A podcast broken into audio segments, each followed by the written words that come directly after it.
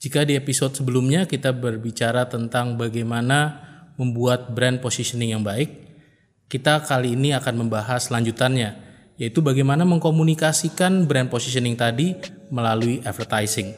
Saya Iwan Setiawan dan ini adalah analisis.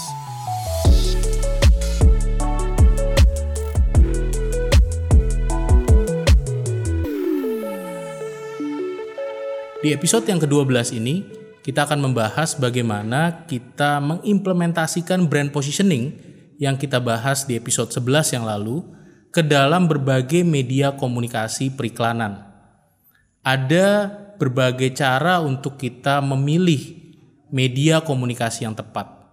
Saya akan coba membahas secara tuntas berbagai media mix yang biasa kita gunakan untuk advertising atau secara lebih besar untuk marketing communication.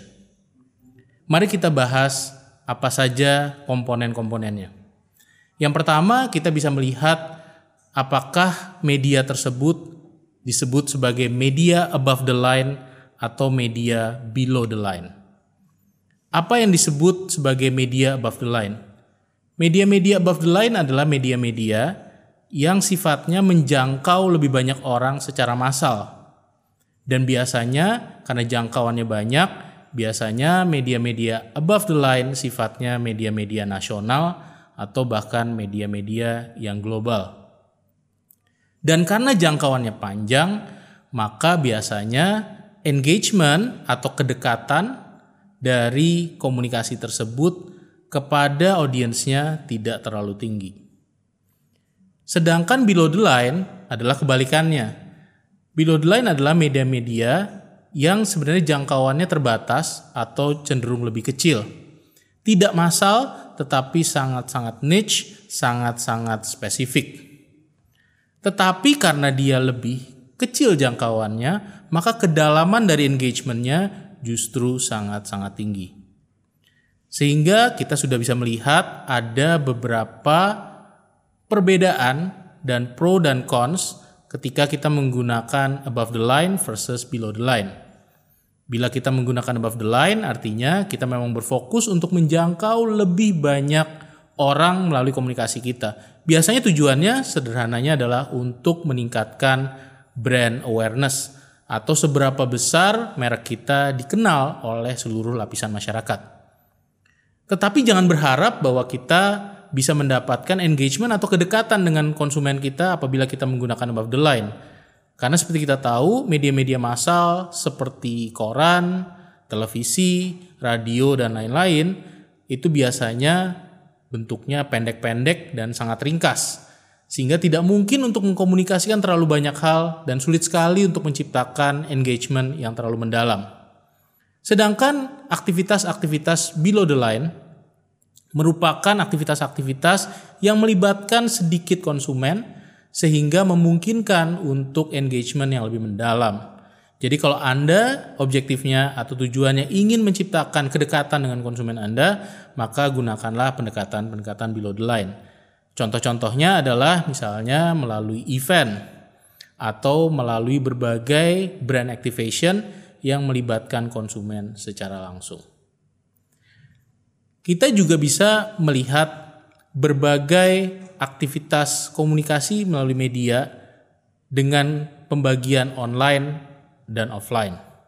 Ada tentunya media-media offline yang kita tahu tidak terhubung dengan internet, tetapi bisa menjangkau masyarakat karena mereka memiliki jangkauan broadcast yang sangat besar. Media-media offline yang populer tentunya seperti televisi, radio, print seperti koran dan majalah dan seterusnya. Sedangkan media-media online seperti kita tahu paling populer adalah sosial media atau mesin pencari atau search engine. Ini adalah dua media-media online atau digital yang biasa digunakan untuk komunikasi pemasaran. Jadi kalau kita membuat sebuah matriks dua kali dua secara sederhana kita bisa memetakan berbagai media komunikasi melalui klasifikasi above the line versus below the line dan online versus offline. Melalui matriks ini, kita bisa melihat media-media apa saja yang merupakan media-media offline atau tradisional media yang sifatnya below the line. Misalnya seperti sales promotion menggunakan SPG atau menjalankan event atau exhibition atau misalnya menciptakan berbagai aktivitas sponsorship misalnya di MotoGP yang sekarang sedang hangat di Mandalika dan seterusnya. Kita juga bisa melihat berbagai contoh below the line tetapi yang sifatnya lebih digital. Misalnya melalui sosial media, melalui blog, melalui komunitas digital, dan seterusnya. Kita juga bisa melihat berbagai contoh yang tradisional tetapi above the line.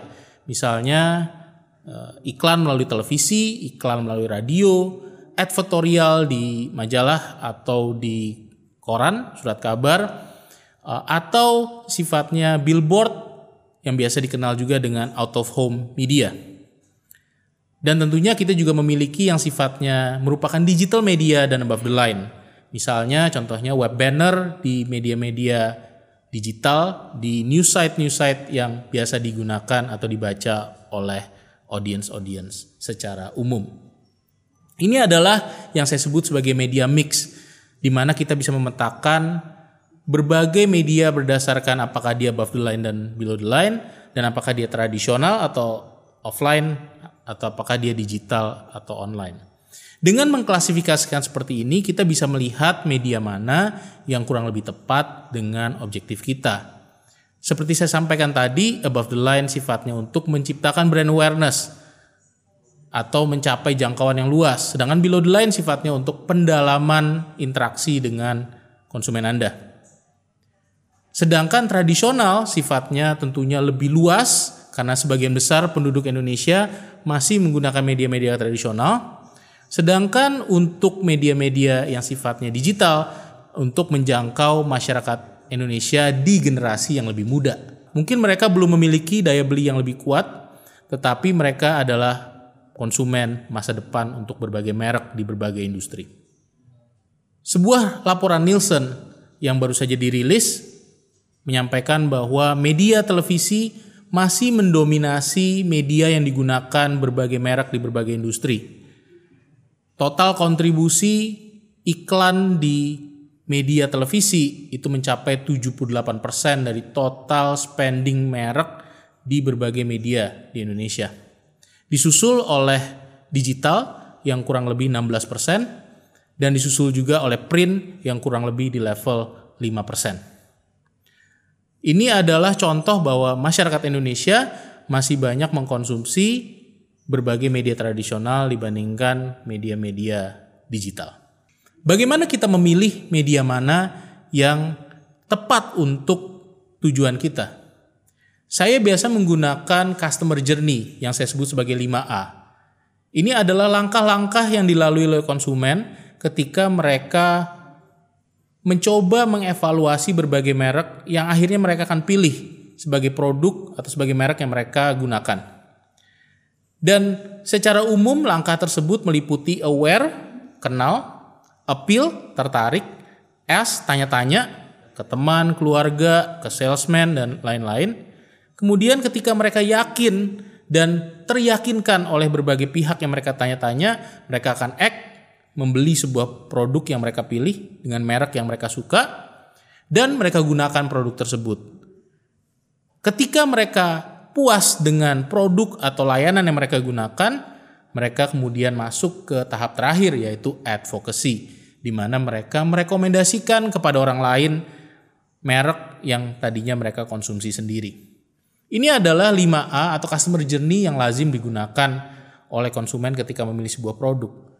Dan ketika kita memilih media yang ingin kita gunakan untuk berkomunikasi dengan audiens kita, apabila kita mengenal dan mengetahui persis bagaimana customer journey-nya, maka kita bisa memilih media yang paling tepat untuk mengintervensi pola pikir mereka. Ketika kita berbicara tentang awareness misalnya, tentunya kita harus menggunakan media-media above the line. Tapi semakin kita bergeser ke kanan menuju advocacy, atau tahap kelima, maka kita harus semakin menggunakan below the line campaign. Apabila kita menggunakan media-media tradisional, biasanya lebih efektif untuk di awal-awal customer journey ketika di fase awareness dan appeal. Dan apabila kita menggunakan berbagai media-media digital biasanya cenderung lebih bagus untuk fase-fase akhir ketika di act dan di advocacy. Ini adalah contoh bagaimana menganalisa customer journey dari audiens Anda membuat Anda bisa menentukan kira-kira media mana yang paling tepat Anda gunakan. Mari kita lihat gambar berikut ini di mana saya memberikan tips untuk berbagai aktivitas komunikasi melalui berbagai media yang bisa Anda gunakan tergantung dari titik berat campaign objektif Anda. Apabila Anda fokus pada menciptakan awareness di fase awal, ada berbagai media, baik yang sifatnya tradisional yang di sebelah kiri maupun yang sifatnya digital yang ada di sebelah kanan, yang bisa membantu Anda menciptakan brand awareness. Demikian juga ketika Anda ingin menciptakan action, ada berbagai media tradisional maupun media digital yang tepat untuk Anda gunakan. Mari kita ambil beberapa contoh. Misalnya, ketika Anda ingin membangun brand awareness, Anda bisa menggunakan berbagai media tradisional, misalnya contohnya TV, billboard, dan lain-lain. Atau ketika Anda ingin menggunakan media-media digital Anda bisa memasang iklan misalnya di kompas.com, di detik.com, menciptakan atau membuat web banner untuk di place atau ditempatkan di media-media online news tersebut. Tetapi apabila Anda fokusnya untuk menciptakan penjualan, artinya konsumen Anda di fase act, maka Anda bisa menggunakan media-media lain. Misalnya untuk media tradisional Anda bisa menggunakan komunikasi di retail outlet yang biasa kita lihat ada leaflet, selebaran, poster yang dipasang di berbagai toko atau warung atau outlet-outlet retail lainnya. Atau ketika Anda fokus di media-media digital, Anda bisa menggunakan iklan-iklan di e-commerce site. Ketika orang sudah ada di toko online ingin membeli, mereka bisa menemukan brand Anda dengan mudah. Ini adalah contoh-contoh bagaimana media tradisional dan media digital dua-duanya bisa digunakan baik di building awareness, menciptakan daya tarik atau appeal untuk membantu ketika orang bertanya-tanya atau mendorong adanya action pembelian dan juga mendrive adanya advocacy. Ini semua bisa Anda manfaatkan untuk memilih kira-kira aktivitas advertising atau iklan apa yang sebaiknya Anda lakukan untuk merek Anda. Di dua episode terakhir ini kita membahas bagaimana menciptakan brand positioning dan bagaimana memanfaatkan advertising. Di segmen yang pertama, di episode ke-11, kita membahas yang kita sebut sebagai what to say. Apa pesan yang ingin kita sampaikan?